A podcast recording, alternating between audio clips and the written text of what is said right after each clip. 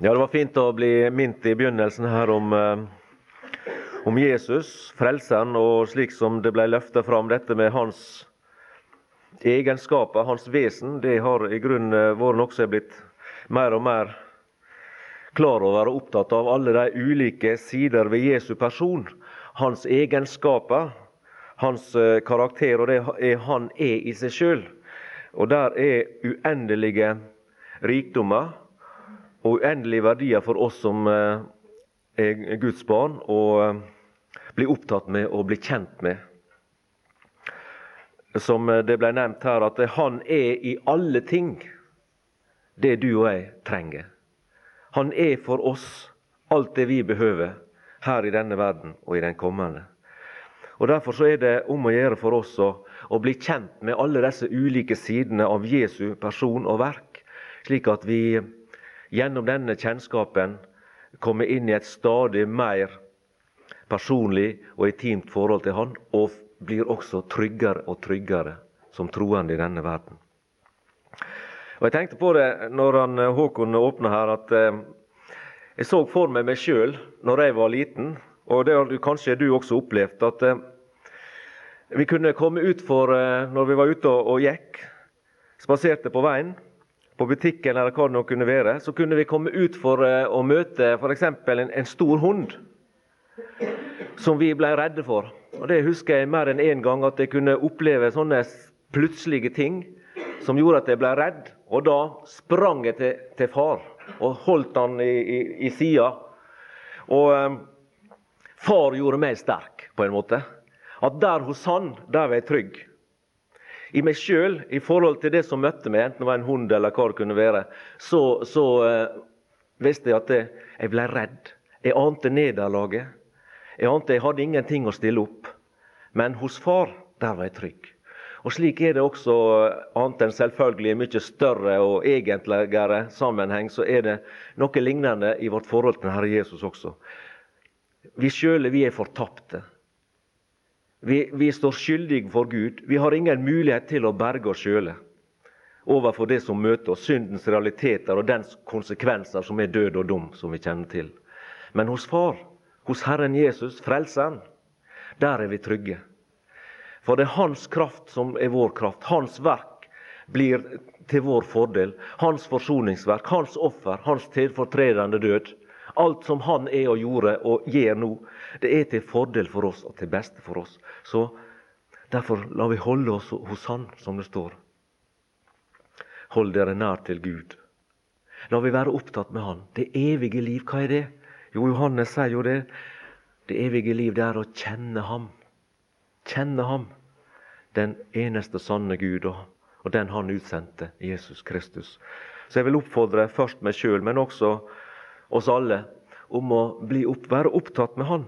Bruke tid på Han, gjøre oss kjent med Han. Det er på det plan vi lever som Guds barn i denne verden. Det, I det evige liv. Vi er flytta over fra dødens område. Vi er ferdig med synda. Vi er ferdig med det, det livet.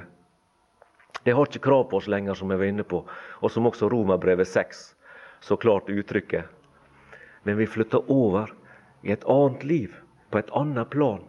Og det er der vi befinner oss nå. Og det er det, nye fedreland, der vi befinner oss i, i troa nå, det er det vi må utforske. Det er der vi må gjøre oss kjent, og spesielt med Han som er troens opphavsmann og fullender. Og Har vi vårt blikk på Han som sier ordet, da skal ikke vi gå trøtte og bli motløse i våre sjeler. Så la ikke deg stoppe av uh, ytre omstendigheter og ting som vil hindre deg i å gjøre deg kjent med Herren Jesus og Hans ord og Hans verk for deg og i deg. Bruk tid på Han. Det lønner seg her i dette livet og i det kommende. Det som jeg vil eh, si litt om i, i formiddag, da, det er noe som jeg har kalt for korsets ironi. Og Det har sammenheng med dette at eh, korset i sin opprinnelse det var jo et, et redskap for eh, tortur, for um, død og dom. Det ble jo brukt som et dødsredskap, en dødsmaskin, i det gamle Romerriket. Og um, Historia forteller jo at uh, også i Jødeland og Jerusalem utenfor byen der, i, i de store um, sammenstøtene mellom romer og, og jøder, så var det hundrevis av kors som sto. Hundrevis, ja kanskje tusener av kors som sto utover på eh, bakkene og liene der på haugene, og vitna om at eh, mange hadde blitt dømt til døden og fikk sin eh, dødsdom eksekvert på denne måten. Og Det var en veldig, det var en dramatisk og en forferdelig tortur å henge på et kors. Det er blitt sagt at det, et menneske kunne faktisk leve i flere døgn før livet ebba ut, under de største fysiske smerter som en kan tenke seg.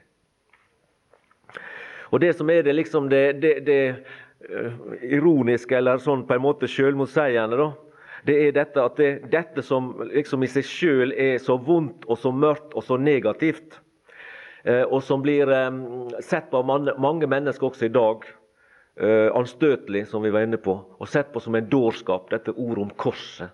At Jesus måtte nagles til korset, og at han måtte henge der for å utføre og fullføre frelsesverket at dette vonde og mørke og dette symbolet på lidelse, smerte, tortur og død, at det skulle avstedkomme liv og salighet og herlighet for millioner av mennesker, det er på en måte det ironiske i korset.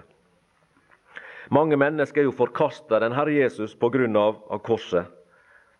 De forkasta Han, den eneste, helligste, reneste, som sangeren sier han forkaster dem pga. Av, av ordet om korset. De kan eh, ha noe med Jesus å gjøre som eh, den store morallærer. De kan ha med Jesus å gjøre som idealisten som hadde visjoner for livet sitt. Og, og slik. Jesu jordliv kan de akseptere. Men hans eh, død på korset, det viser de bort fra seg. Det vil ikke de ha noe med å gjøre. Men det som skjedde på korset, dette dødens instrument, det som skjedde der, knytta til han som hang på det midterste treet, det er vårt eneste håp når det gjelder å bli redda fra den evige undergang. Bli redda fra vår åndelige hjelpeløshet, som jeg var inne på tidligere. Dette at vi sto maktesløse i å minske avstanden mellom oss og Gud, som hadde oppstått i og med at synda kom inn i denne verden. Det er deres misgjerninger, sier profeten, som har gjort skilsmisse mellom dere og Gud. Og denne avstand kunne ikke noen av oss gjøre om til null. Vi kunne ikke tilintetgjøre denne, denne avstand. Vi sto hjelpeløse. Men ordet om korset, Jesus og hans korsdød, førte til løsning på dette problemet. Og eh, det ble jo også stadfesta av Gud gjennom Jesu oppstandelse. Du kjenner til eh, det ordet i, i Romerbrevet 1 om at eh, gjennom sin oppstandelse så ble den Herre Jesus godtgjort. Det ble bevist at han var Guds veldige sønn. Så korset det var ikke noe et mistak. Korset var ikke noen feil. Korset det var ikke slik at, som enkelte vil ha det til, at Jesus han hadde sine planer og sine visjoner om, eh, om, et verk han skulle utføre. Men så, før han fikk fullført det, så ble han arrestert, og så ble han anklaga og han ble dømt til døden og korsfesta. Og så tapte han det hele. Det er mange som ser det sånn. At han døde før han fikk utført sin gjerning. Men vi som kjenner til eh, Bibelens framstilling av dette, vi vet at det var gjennom døden han fullførte sitt oppdrag. Da han ropte 'fullbrakt', så var frelsesverket fullført for deg og meg. Og som et resultat av at alt var fullbrakt, så sto han i triumf opp den tredje dag og brøt dødens lenker. Det står om han at han tilintetgjorde gjennom sin død han som har dødens velde. Det er djevelen. Og så førte han liv og uforgjengelighet frem for lyset ved evangeliet. Og Det er ditt håp, og det er mitt håp. Så det var ikke noen misforståelse, det var ikke noen feil som skjedde, det var ikke et mistak. Det var ikke et godt liv. En god og hellig og from person som fikk sin, sitt liv slutt der på Golgata som en, som en misforståelse. Jeg vil nevne to ting om hva korset betyr i denne sammenhengen. Og For det første så vil jeg nevne at eh, korset det er det største bevis på Guds kjærlighet. Og Den sannhet kommer veldig fint fram i det som blir kalt for den lille bibel, som vi alle sammen kan utenat. Det beviser Guds kjærlighet til oss mennesker, til oss syndere. Johannes 3, 16. For så har Gud elsket verden. Og Der er du og jeg innbefatta, og der er alle syndere med. For så har Gud elsket verden at han ga sin sønn den enbårne. Han ga sin sønn den enbårne. For at hver den som tror på ham, ikke skal fortapes, men ha evig liv. Ingen kan anklage Gud for ikke å være for synderen. Vi leser i Romerbrevet om at det er Gud for oss. Hvem er da imot oss? Det gjelder oss som er Guds barn, vi som er frelst og lever i samfunn med Herren Jesus. Er Gud for oss? Ja, Gud er for oss. Men Gud er for også verden i den forstand at han gjennom sin sønn tilveiebrakte et frelsesverk som gjorde at synderen kan få samfunn med Gud ved å akseptere det som Jesus gjorde. Alle dem alle ikke. Der er ikke unntak der heller. Alle, uten unntak, dem som tok imot ham, dem ga han rett til å bli Guds barn, de som tror på hans navn. Den som tror, Vi ble minnet om det til åpning i, i formiddag. Den som tror på ham. På ham. Det er han som er nøkkelen til forløsninga, til forsoningsverket, til det hele og den som tror på ham, når vi fester vår troesblikk på ham. Når troa gjennom ordets hørelse blir skapt i vår sjel og i vårt hjerte, da er vi frelst. Men ingen kan anklage Gud, sjøl de som på dommens dag skal stå for Gud, og bøker skal åpnes, som vi leser i åpenbaringsboka, så er ingen der heller som kan anklage Gud for ikke at han var for dem. Han var for dem i Kristus Jesus. Han beviste sin kjærlighet mot dem ved å sende sin sønn den enbårne. Med den hensikt også for dem som enda i ildsjøen til slutt, for at hver den, også de, ikke skulle fortapes, men ha evig liv. Og I 1. Eh, Johannes brev finner vi et lignende eh, vers. i Vi har Johannes 3,16 og vi har 1. Johannes brev 3,16. Det har i grunnen parallelt innhold. 1. Johannes 3,16. På det kjenner vi kjærligheten. Det er den måten du og jeg kommer i kontakt med kjærligheten på, og lærer kjærligheten å kjenne.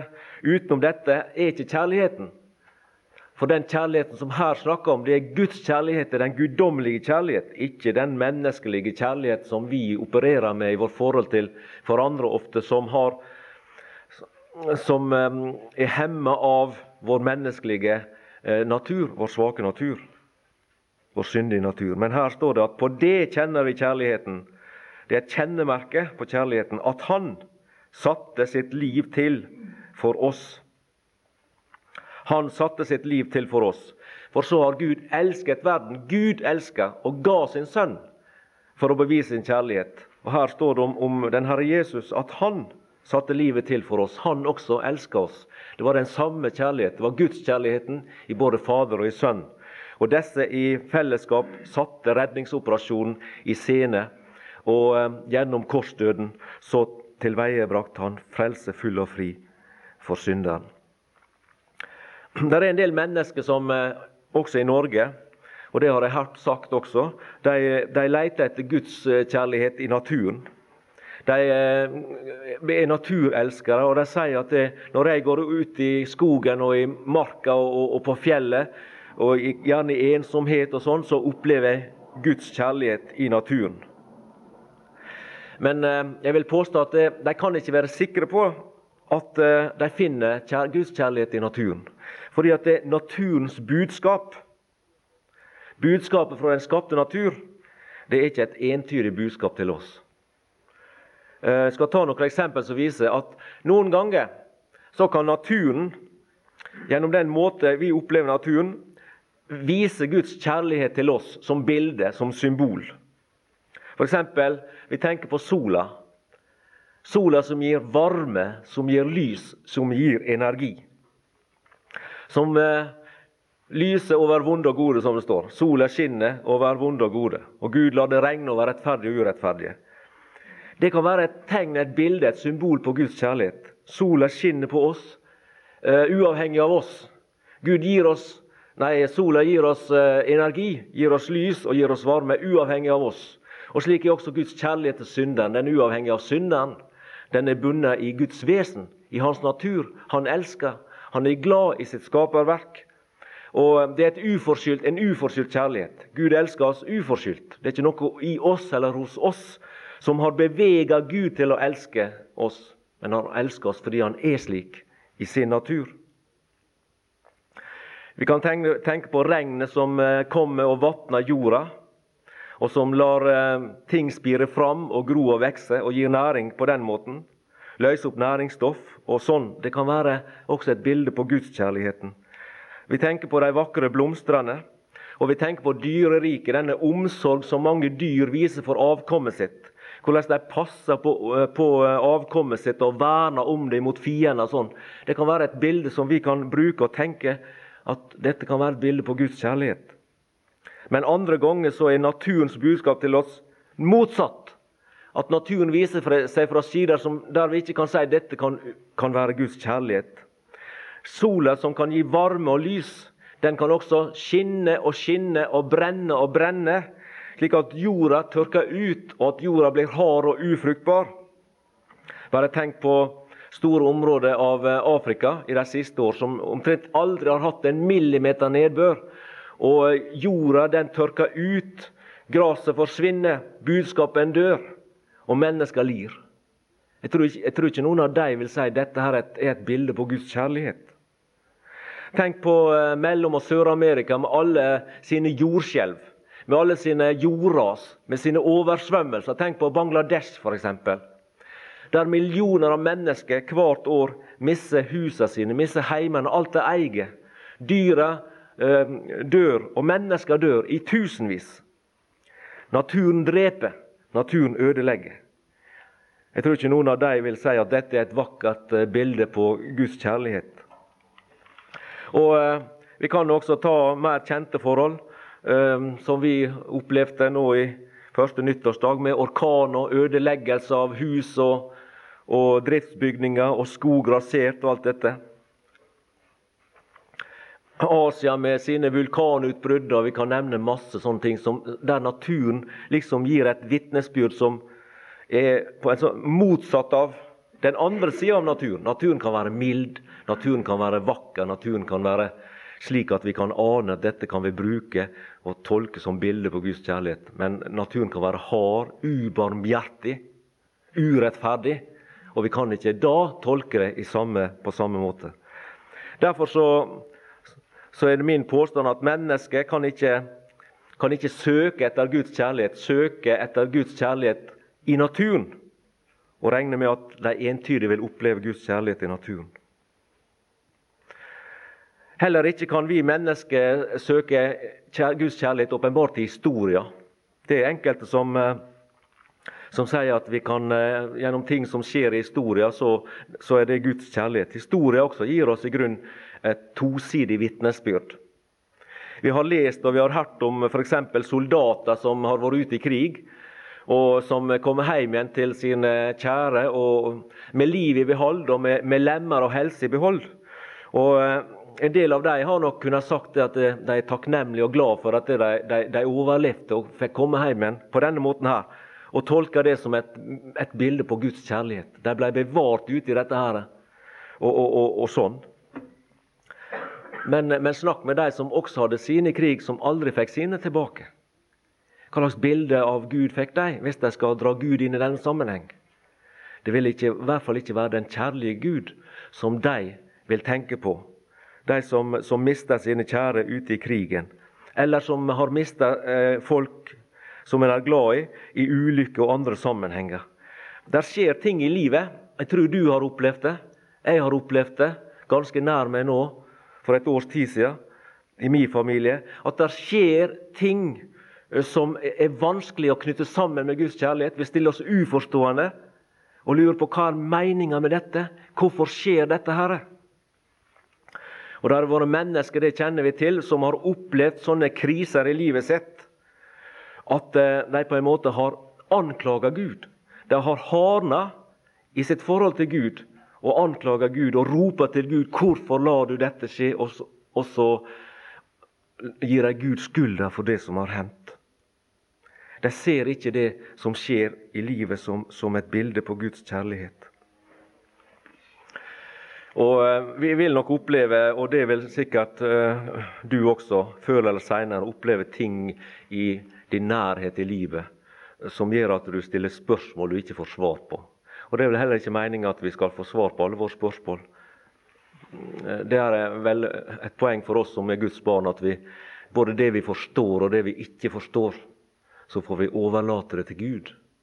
Og vil Han gi oss et svar en gang, så tar vi imot det. Og hvis ikke, så lar vi det være.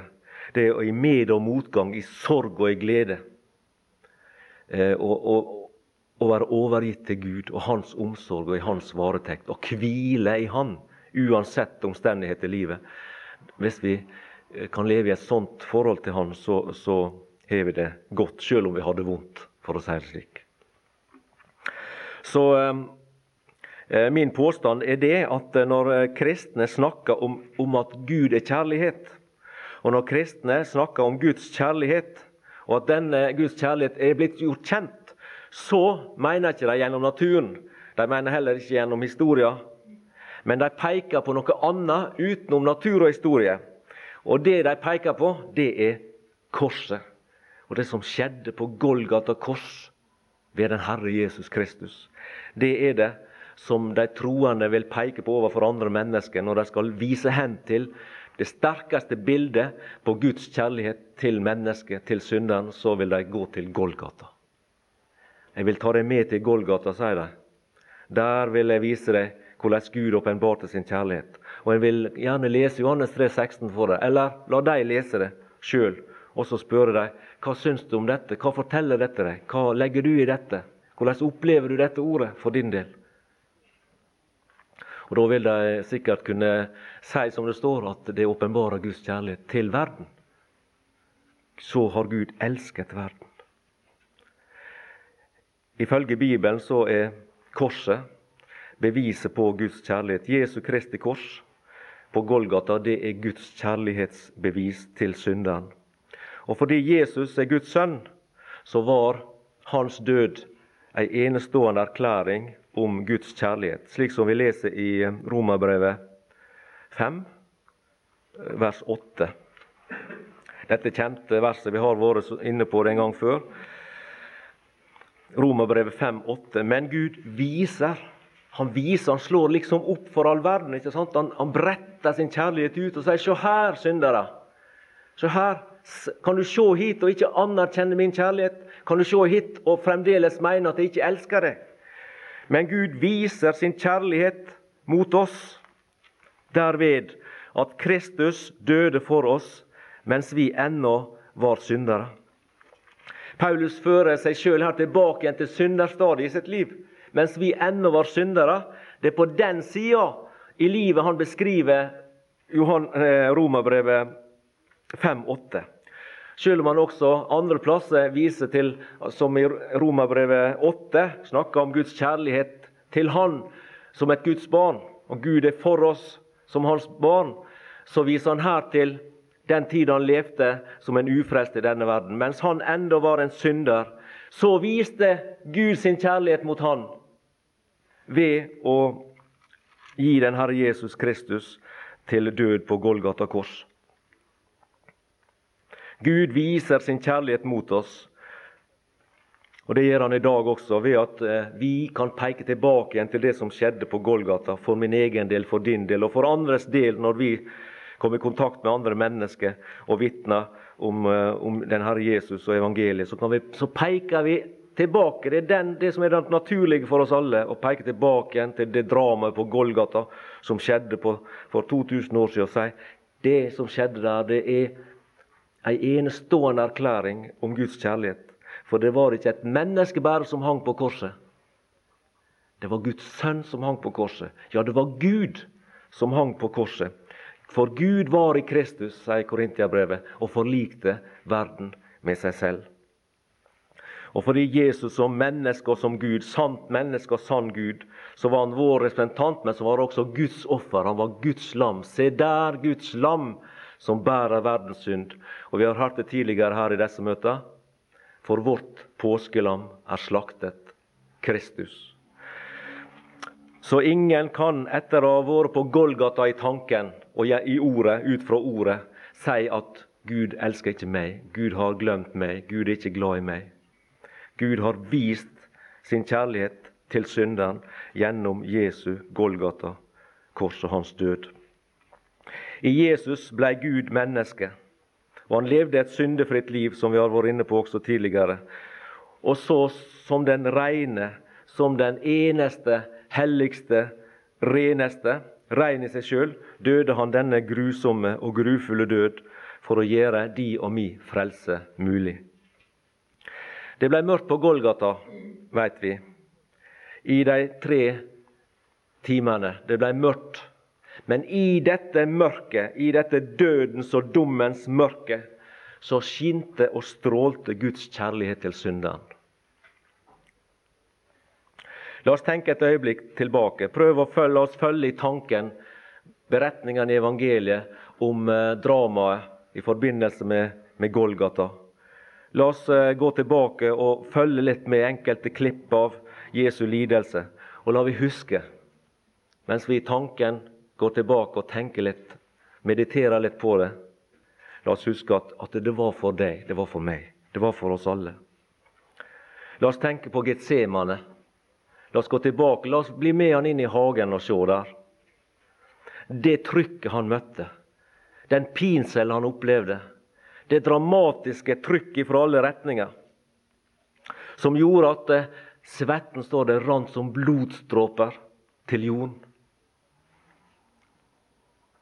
Han kjempa en kamp der. Det var på veien til Golgata. Det var ikke der han sonte vår synd, i Getsemane, men likevel, det var, en, det var et skritt på veien. Og alt som skjedde, var for å komme til slutt til Golgata-treet og få rope ut 'fullbrakt'. La vi følge med han når han blir arrestert. Han som hadde gått omkring, som ordet sier. Han gikk omkring og gjorde vel.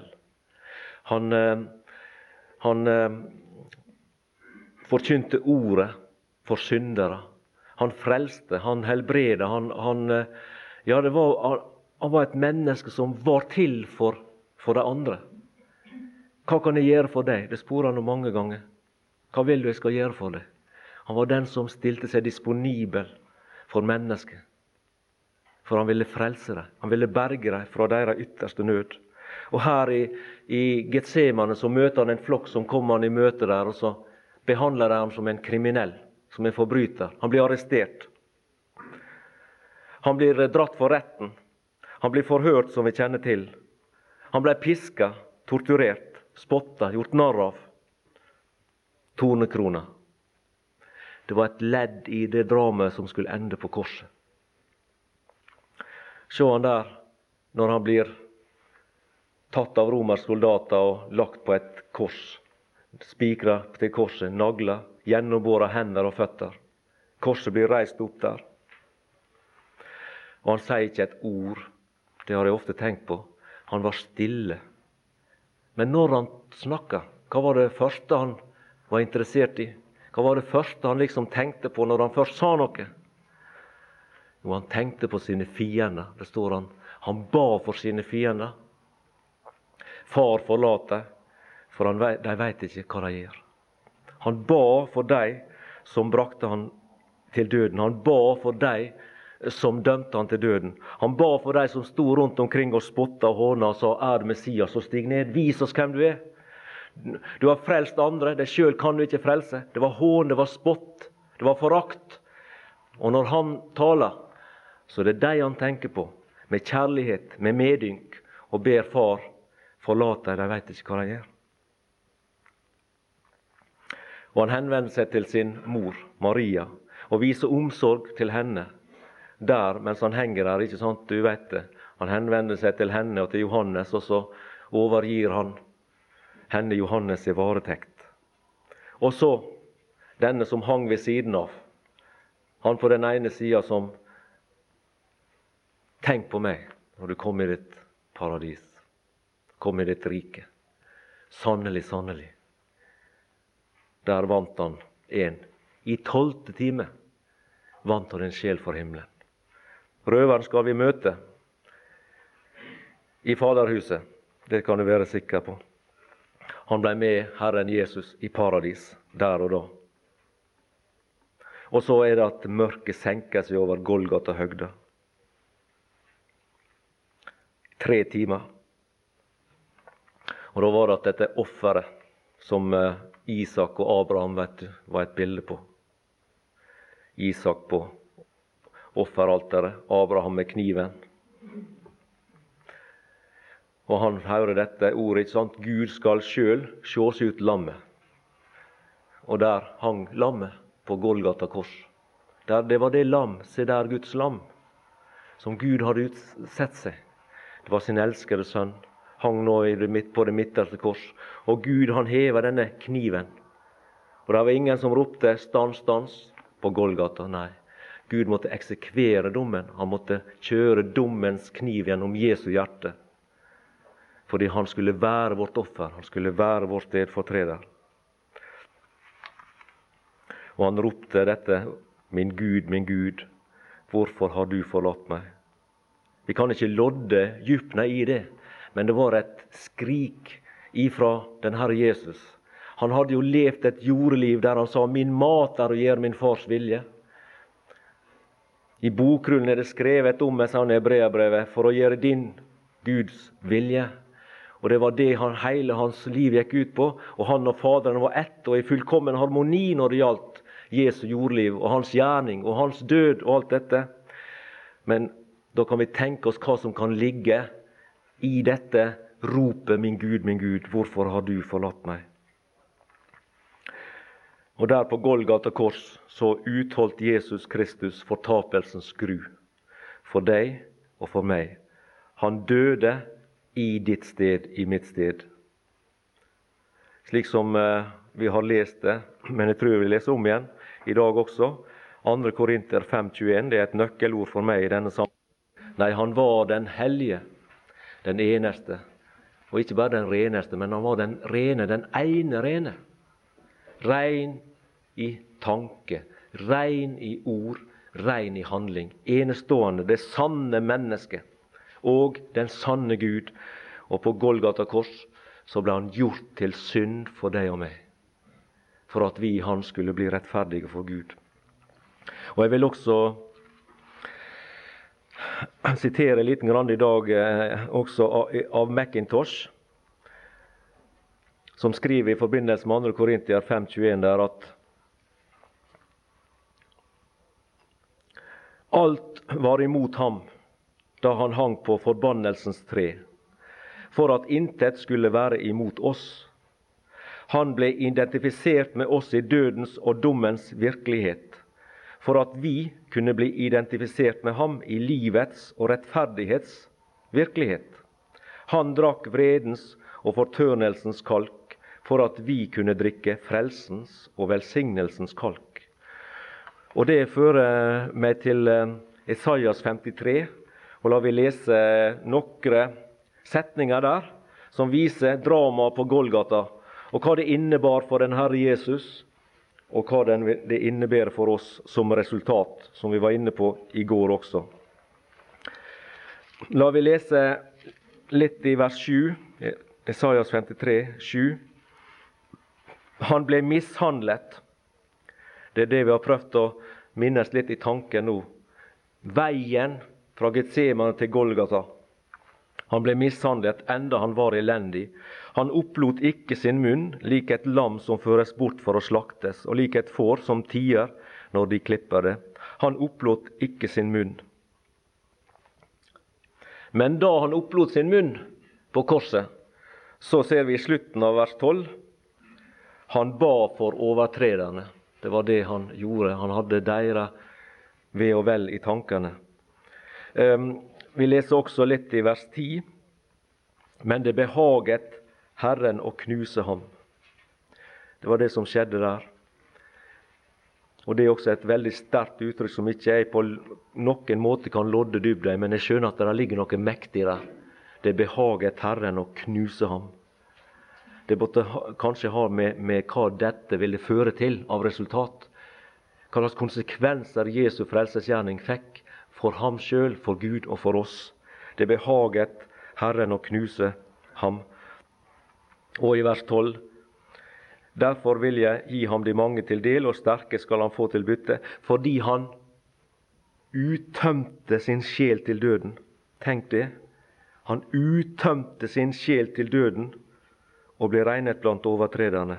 Han som dog bar mange synd, og han bad for overtrederne. Ja, i sannhet, hvis ikke et menneske erkjenner at dette gir oss et bevis på og bretter ut Guds kjærlighet til oss, hva skal da vise Guds kjærlighet for oss? Gud viser sin kjærlighet mot oss derved at Kristus døde for oss mens vi ennå var syndere.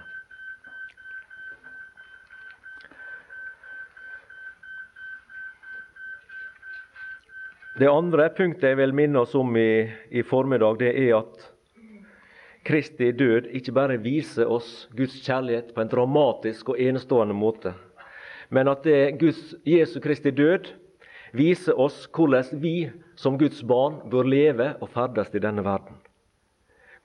Hva slags beveggrunner hva slags vesen og natur og sinn som bør prege vårt forhold til hverandre og til andre mennesker. Korset viser ikke bare fram Guds kjærlighet til oss og viser oss hvordan og, og hvor sterkt Gud elsker oss, men det viser også et åndelig prinsipp for livet. Det forteller oss et prinsipp om hvordan vi skal leve. Og Da vil jeg gå til 1. Eh, Peters brev, det andre kapittel. Og eh, Der leser vi vers 21. 1. Peters brev 2, 21. For dertil ble I òg kalt, fordi også Kristus led for eder, og etterlot eder et eksempel for at I skal følge etter i hans fotspor. Han etterlot oss et eksempel for at vi skal følge etter i hans fotspor. Og Hva er det fot, disse fotsporene minner oss på? Hva er det de viser? Hva er det som er karakteristisk ved disse fotsporene? Jo, det er først og fremst kjærligheten. Hvorfor var det Kristus led for oss? Det var jo det. Fordi også Kristus led for eder og etterlot et eksempel. Ser Han viser til Kristi, Kristi lidelse for oss, og så kommer eksempelet. Og Det tolker jeg i den retning at vi skulle ha en kjærlighet som ligner hans. Vi skulle elske hverandre som han elsker, og leve i vårt forhold til hverandre og til andre mennesker som han levde. Slik som eh, Johannes 13 og vers 34 forteller. Johannes 13, 34. Et nytt bud gir jeg eder, at I skal elske hverandre like som jeg har elsket eder. Skal også I elske hverandre like som. Der er prinsippet. Der er prinsippet for livet. Der er prinsippet for etterfølgelsen når det gjelder Guds barn. Det er ikke den kjærlighet som var offerkjærligheten, stedfortrederkjærligheten Ingen av oss kan, kan eh, dø for andre mennesker. Det har ikke noe med det Jesu død på korset, det var enestående. Ingen kan gjøre han det, det etter. Det er ikke den, det den sida dette ligger på. For eh, det står for seg sjøl. Men det som han her sier, det er at vi skal elske hverandre like som jeg har elsket eder.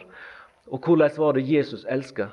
Jo, han viser kjærlighetens vesen gjennom sitt offer, gjennom sin død og, og det han gjorde for oss. Han viser kjærlighetens grunnvesen, og det er å gi. Å være til for andre. Jeg skal ikke ta tid til å lese, men du kjenner til det, du, like godt som meg. Ehm, kjærlighetens kapittel i Korintiabrevet.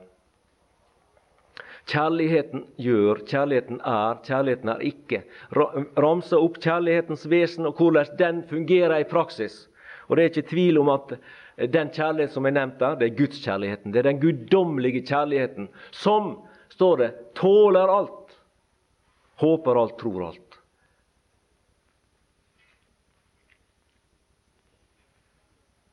Og denne kjærligheten har du og jeg fått del i som Guds barn. Guds kjærlighet utøst i våre hjerter.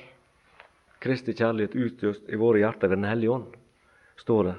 Så Gud har gitt oss, i og med denne Guds kjærlighet i våre hjerter og den nye natur, så har, han, har vi i oss en natur og et vesen som er av Gud.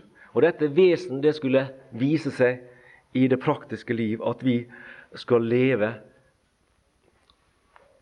og følge i hans fotspor i å la kjærlighetens vesen være karakteristisk for oss som det var for han.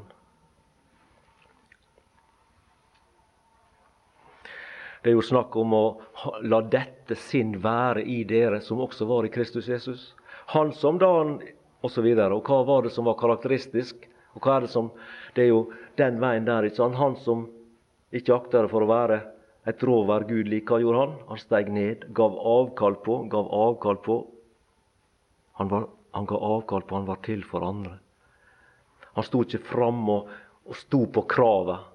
sto på sine rettigheter slo ting igjennom, forlangte anerkjennelse og alt dette her som vi er så snare til, å vise vårt kjødelige sinn, og ikke det himmelske Guds sinne i oss. Men Jesus, Jesus han vitner om at det, den sanne og ekte kjærlighet, den gir avkall på, den stiger ned, den er til for andre. Han etterlot oss et eksempel, at vi skulle vandre i hans fotspor. La vi bla til eh, Johannes 12. Golgata-kjærligheten, Jesu Kristi kjærlighet til sine og til oss alle, skulle være modellen, om vi så skal si, standarden for vår kjærlighet som troende i denne verden. Og Det finner vi omtalt i Johannes 12, vers 24-26, vil jeg lese. Og Det er dette som gjerne blir kalt for høstens lov. Det er høstens lov. Der, så, der er såtid og så er det høst. Og slik burde det være i vårt liv. Slik var det i Jesu liv. Sannelig, sannelig, sier jeg eder, hvis ikke hvetekornet faller i jorden og dør, blir det bare det ene korn. Men hvis det dør, bærer det megen frukt. Den som elsker sitt liv, mister det. Og den som hater sitt liv i denne verden, skal bevare det til evig liv. Om noen er min tjener, og her er det du og jeg kom inn i bildet. Om noen er min tjener, han følger meg. Og hvor jeg er, der skal også min tjener være. Om noen er min tjener, ham skal Faderen ære. Sannelig, sannelig, sier jeg der, hvis ikke hvetekornet faller i jorden og dør, blir det bare det ene korn. Jesu jordeliv, det hadde vært bare dette ene korn. Jesus kunne ha levd det livet han levde, og gått tilbake til Faderen, og ikke et menneske hadde blitt frelst. Han hadde blitt dette ene korn. Men fordi at han falt i jorda og døde Det var det som skjedde med han på Golgata kors. Hvetekorn som falt i jorda og døde. Så bar det megen frukt. Og det er det som er det herlige med evangeliet det er det som er frelsens resultat, frukt av Golgata-verket. Megen frukt. Millioner på millioner, ja milliarder av frelste syndere, frelste mennesker, som en gang kan stå der i det himmelske og synge Guds og lammets pris. Og ære lammet fordi han kjøpte oss til Gud med sitt blod. For å være slekt og stamme osv., som det står, som du kjenner til. Så han var dette hvetekornet. Men prinsippet, det gjelder oss også. Hvis det ikke feller til jorda og dør, så blir det bare dette ene korn. Og det gjelder, slik som jeg ser det, i vårt liv som troende også. Guds vilje med oss som hans barn, det er at vi skal være fruktbare. Og hvordan kan vi bli fruktbare? Jo, det er at det ene hvetekorn som vi representerer, faller i jorda og dør. Da bærer det meg en frukt. I den forstand at som gjelder vårt praktiske. Ikke stedfortreder eller offerdør enn noe, det har ikke noe med det å gjøre. Men det har med det prinsippet å gjøre at sjølivet, alle disse tingene, skal komme litt inn på det. Vi må døde. Vi, vi må bli døde. Vi må miste vårt liv. Så lenge vi holder på vårt liv, så lenge vi lar vårt eget kjøtt få råd og få bestemme, og det skal ha sin ære, det skal ha sin makt, det skal ha sin innflytelse, det skal ha sine retter, det skal få sine krav igjennom, blir bare det ene korn. Men faller, korn, faller til jorda og dør, så ber det meg en frukt. Og jeg syns det er det som ligger i vers 26 der, for min del, slik jeg ser det nå. Om noen er min tjener, han følger meg. Og hvor jeg er, der skal min tjener være. Og det, det er noe lignende som eh, jeg oppfatter det som det står i Hebreverbrevet. La oss derfor gå ut til ham utenfor leiren og bære hans vannere. Det har med å være der jeg er. Hva er Jesus i denne verden? Er ikke han forkasta? Er ikke han i fornedrelsen? Blir ikke han sett på, som jeg var inne på, dette med korsets anstøt? Jo, det er slik. Korset vekker anstøt. Korset blir avvist. Jesus blir avvist. Vi blir avvist. Vi, hvis vi blir populære i verden, da er det noe som ikke stemmer. Jesus ble aldri populær i verden. Han sa tvert imot at det, som de har hata meg, skal de hate dere. Som de har forfulgt meg, skal, dere, skal de forfølge dere. Han gjorde dem klar over og viste at den som vil leve, som det også står, den som vil leve gudfryktig i denne verden, skal, ikke kan, men skal bli forfulgt. Så den som vil leve Kristuslivet i sitt praktiske liv, den som vil leve i et nært, barnslig forhold til den Herre Jesus, den som vil leve ja, det jeg vil kalle for troens enkle liv, og være opptatt med de tinga. Han skal få oppleve press, han skal få oppleve å bli motsagt. Han skal få oppleve å, å bli sett på som en snublestein og en anstøtsklippe, og at det, det er dårskap av verdens mennesker.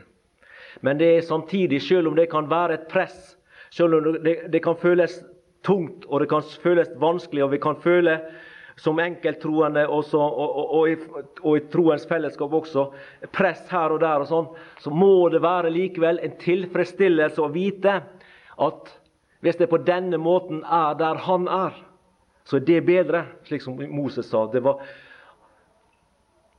han akta ikke Egyptens visdom. ikke sant? Det står om han vil heller enn å ha en kortvarig nytelse av synden, så vil han heller lide vondt sammen med Guds barn. Og det er i grunnen i samme ånd som det som står her i vers 26. Hvor jeg er, der skal også min tjener være. Med ham i fornedrelsen ei korte stund, med ham i herligheten for evig. Så valget er ikke så vanskelig egentlig når vi tenker oss om. Hvis vi tenker på konsekvensene av våre valg, så vil jeg heller bli misforstått, motsagt osv. ei kort stund her og føle trykk og nederlag, og av og til kjenne meg kanskje både ensom og alene, med tanke på vinne Hans herlighet der. La vi opp, følge oppfordringa i åpenbaringsboka, godt folk. Hold fast på det du har. Det oppfordrer han oss til. Bli i det du har lært, da du vet hvem du har lært av. La vi holde fast på de verdier som vi setter pris på, og løfte dem fram for hverandre og for andre mennesker. Hvor jeg er, nå er han i fornedrelsen. Snart så skal han stige fram og vise sin herlighet i denne verden også. Når han skal opprette sitt rike og, og være Messias, kongen. Da skal vi være med han der. I fornedrelsen nå, i herligheten, i prakten og i majesteten der.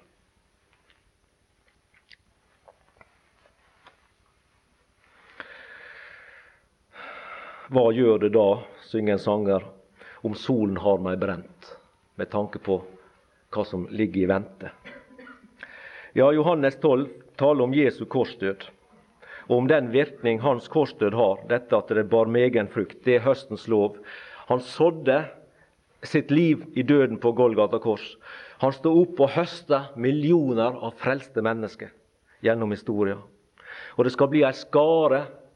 Tenk på bare Der står det om at den skare som kom ut av den store trengsel, var så stor at ingen kunne telle. Hvis du legger til alle de andre da, som har blitt frelst i andre husholdninger, fra Adams tid og opp, så må det jo bli ei kjempeskare. Ja, det blir jo milliarder av mennesker som i fellesskap og sikkert minst trestemmig synger lammets pris der i herligheten. Det skal bli saker, det. En sæd måtte dø for at det kunne produseres nytt liv. Jesus han var denne sæd som døde på Golgata, og gjennom sin død gir han liv til hver den som tror. Men det stopper ikke med korset. Det ser vi her i Johannes 12. Han erklærte at dette også gjaldt hans etterfølgere, den som vil være min tjener. Så la han det samme ansvar på dem. Vi må gå korsets vei i vårt liv. Ta ditt kors opp. Ikke Jesu kors, det var bare det ene kors. Men ta ditt kors opp sier han, og følg meg. Vi må gå korsets vei i våre liv. Det som er dødens vei for, for selvet vårt, det som er dødens vei for egenkjærligheten, det som er dødens vei for egoismen vår. Vi må gå dødens vei i den sammenheng hvis vi skal bære, bære den frukt for Gud som Han ønsker i våre liv. La vi lese Efeserbrevet 2.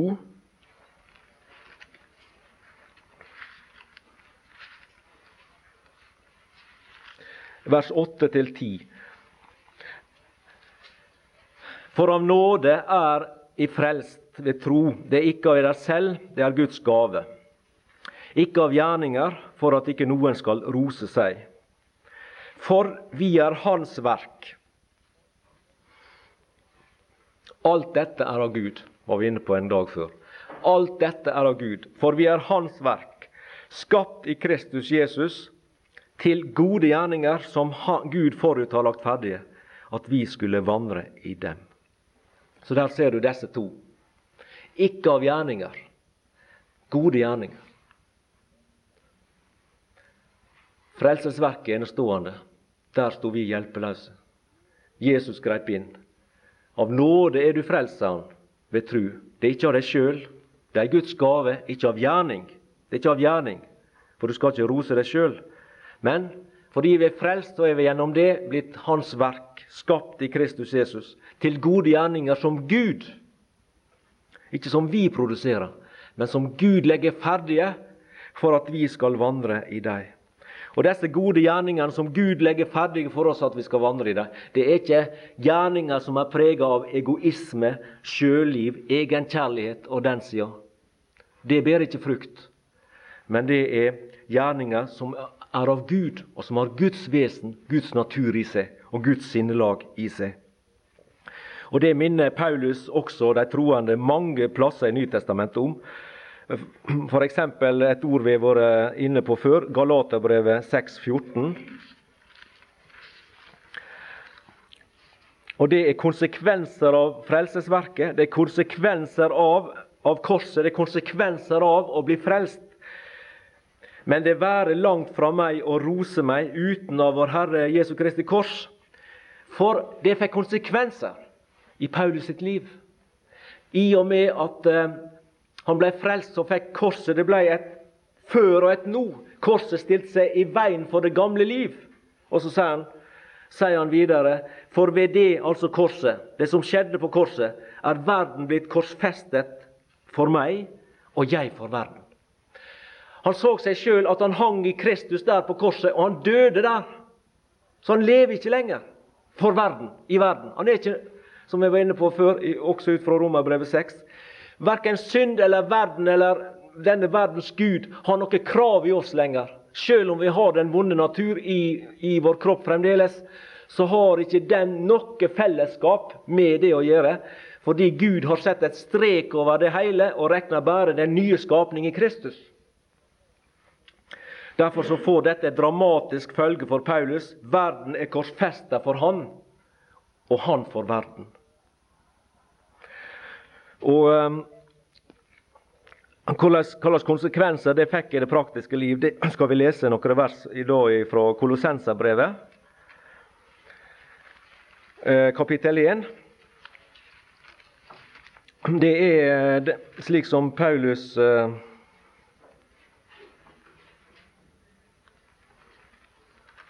Ja, nå tror jeg jeg har skrevet feil, altså. Det er kapittel 3 i Kolossenserbrevet, ifra vers 5.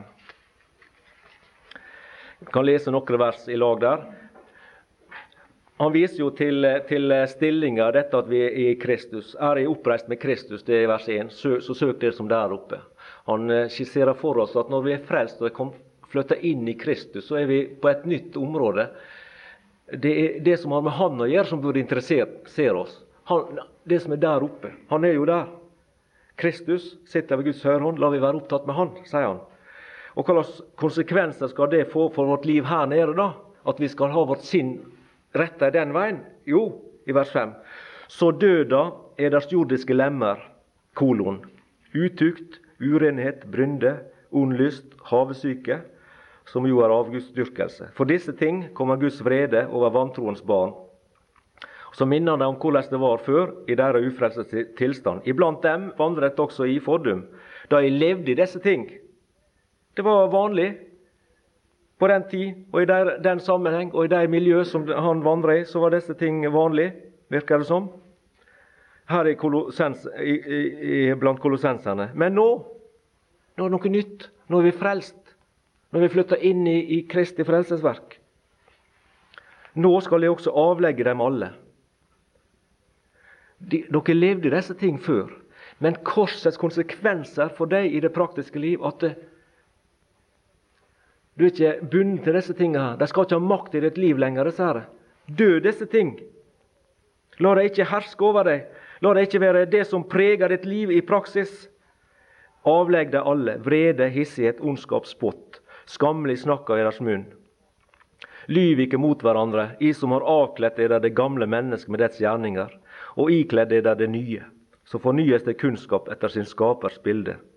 Her er ikke greker og jøde, omskjærelse og forhud, barbar, skyter, trell fri. Men Kristus er alt og i alle.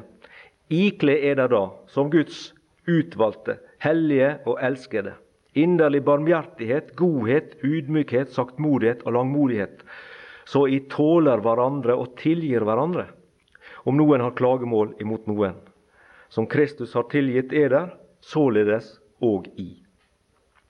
Men over alt dette ikler der kjærligheten, som er fullkommenhetens sambånd, og Kristi fred råder i deres hjerter, den som vi også blir kalt til, i ett legeme å være takknemlige. Som Kristus har tilgitt eder, således også i. Han etterlot oss et eksempel, at vi skulle vandre i hans fotspor. Men så kan vi selvfølgelig si at ja, men jeg er jo ofte så, så oppfarende og hissig. og og, og, alt dette her. ikke sant? Vi, vi, sier slik Ja, det er vi. Det er den gamle natur som får komme til orde. Den gamle natur som bryter fram. Men det er ikke noen unnskyldning for oss til ikke å ha det for øye at disse, denne nye praksis, at den nye standard for liv, skulle være vårt ideal, vårt eksempel som vi skulle følge etter. Vi har den gamle natur i oss. Vi kan ikke leve et fullkomment liv i denne verden. Men det nye livet i oss skulle få dominere mer enn det gjør, i hvert fall for min del.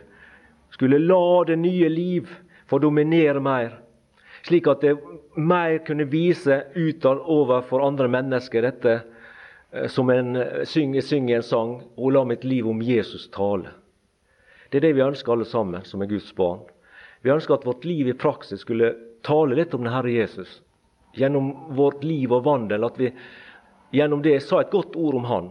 Løfte Hans navn høyt i hverdagen der vi ferdes, på arbeid eller andre plasser. Uten at vi sa så veldig mye, så kunne, ville iallfall livet vårt kunne minne andre. Være et vitnesbyrd om at vi har valgt å gjøre selskap med Guds enkle vandringsmenn. At vi hører Jesus Kristus til. At det er Han som er Herren i mitt liv. At jeg søker hans løsninger på problem, at jeg søker hans måte å være på. At jeg søker å høre hvordan han ville stille seg i de tingene der. Hva slags, hva slags valg han ville ha gjort der. Og, og søke ordets rettledning. At vi søker ordet som det står at 'jeg vil gi deg råd med mitt øye'. For Paulus han sier jo rett ut 'for meg er livet Kristus'. For meg er livet Kristus. Det var ikke noe utenom der. Det var det ordet, den personen, og det han sto for og var. Det var livet for Paulus. Utenom det så var det bare død. Livet var Kristus, utenom Kristus. Han hadde ingen interesser utenom Kristus. Han har levd i dag så han blitt sett på som en enstøing. Det er ganske sikkert. Han har blitt ledd av og sett eh, rart på, tror jeg, som hadde, var så enspora. For meg er livet Kristus. Men slik var ikke bare et ordhell med han. Det var slik. Han hadde ett for øye å forkynne evangeliet, fullføre sin tjeneste, være til for andre. Formane både natt og dag, står det, og endog med tårer over som levde seg inn i andre situasjon, som var til for de troende der han var, og som forkynte evangeliet for jøde og greker, og retta opp korsets budskap og la deg frelse. La deg frelse. La dere forlike med Gud. Det var det hele hans liv gikk ut på. Verden og dens lyster hadde ingen verdi for Paulus, selv om han hadde den gamle natur i seg, akkurat som du og meg. Så gjorde han valg, og valgene fikk konsekvenser for hans liv. Og slik er det for deg og meg også. Vi gjør valg hver dag, og de får konsekvenser i vårt liv. Jeg håper for min egen del å velge rett i denne sammenhengen, slik at det, den Herre Jesus får mer av min tid og han får mer av mine interesser, at jeg blir mer opptatt med han, og at det, verden vil misse sin betydning i den forstand. Verden skal være viktig for oss på den måten at vi skal forkynne evangeliet, være Jesu vitner, holde fram livets ord. Til slutt Galaterbrevet 2,20.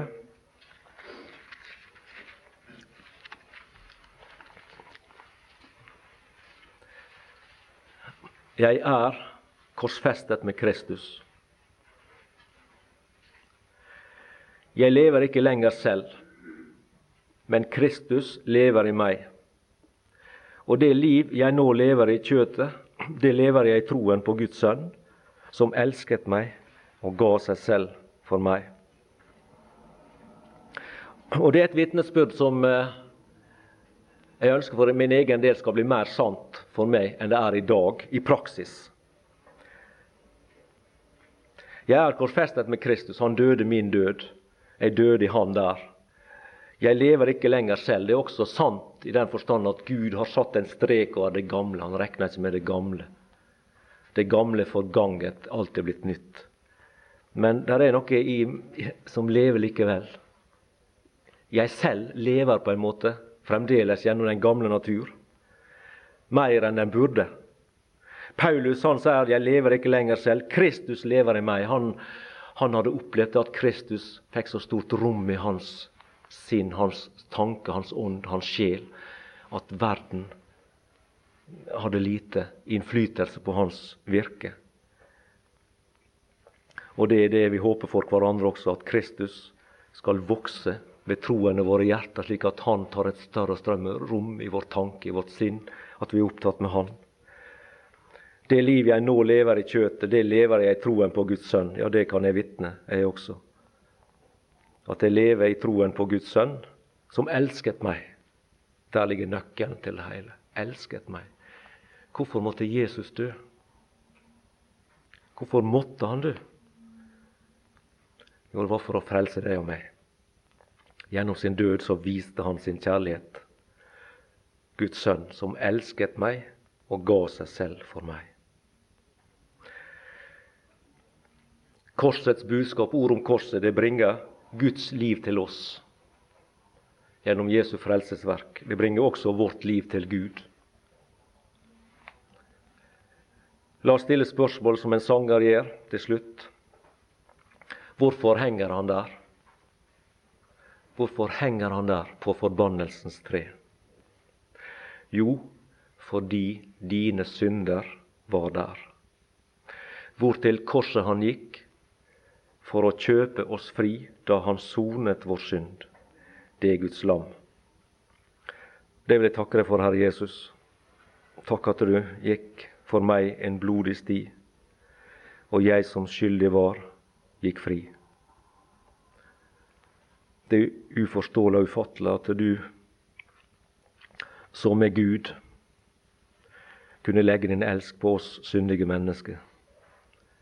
Men jeg takker deg for at du gjorde det, for det blei vår eneste redning. Takk for at du kom. Takk for at du steig ned, gav avkall på og fornedra deg sjøl, så du blei lydig inntil døden, ja, korsets død. Og så er du bedt eh, oss om å være dine vitner, og være med å bringe forlikelsens budskap ut til verden der vi også skal være med og rope på dine vegne til verden. La deg forlike med Gud. Takk, Jesus, for at hver dag i denne verden rundt omkring så er det noen nye frukter av at du som hvetekorn falt til jorden og døde. Takk for at jeg er en av de fruktene av ditt Golgata-verk. Så ber jeg om, Herre, at de av mine som ikke er frelst, må få oppleve å bli en frukt av ditt verk. At du må finne dem og vinne dem før det er for seint. At de må åpne sitt hjerte når du kaller og banker. La dem få kjenne og merke de lokkende stemmer som vil lokke dem og kalle dem og drage dem inn i de herlige frelserfavn. Og det ber jeg om for oss alle som er her. Jeg legger oss alle, og med alle våre, i dine velsigna hender. Ta deg av dine kjære troende venner her. Ta deg av de unge. Gi dem styrke, gi dem frimodighet til å løfte ditt navn høyt ute der de ferdes. Og hjelp deg, Herre, til å søke inn til deg og leve nær til deg, slik at de kan møte motgang og møte kritikk og ting som ellers er vondt, og likevel være glad og takknemlig og frimodig fordi de har samfunn med deg det er godt å være på seierherrens side. Amen.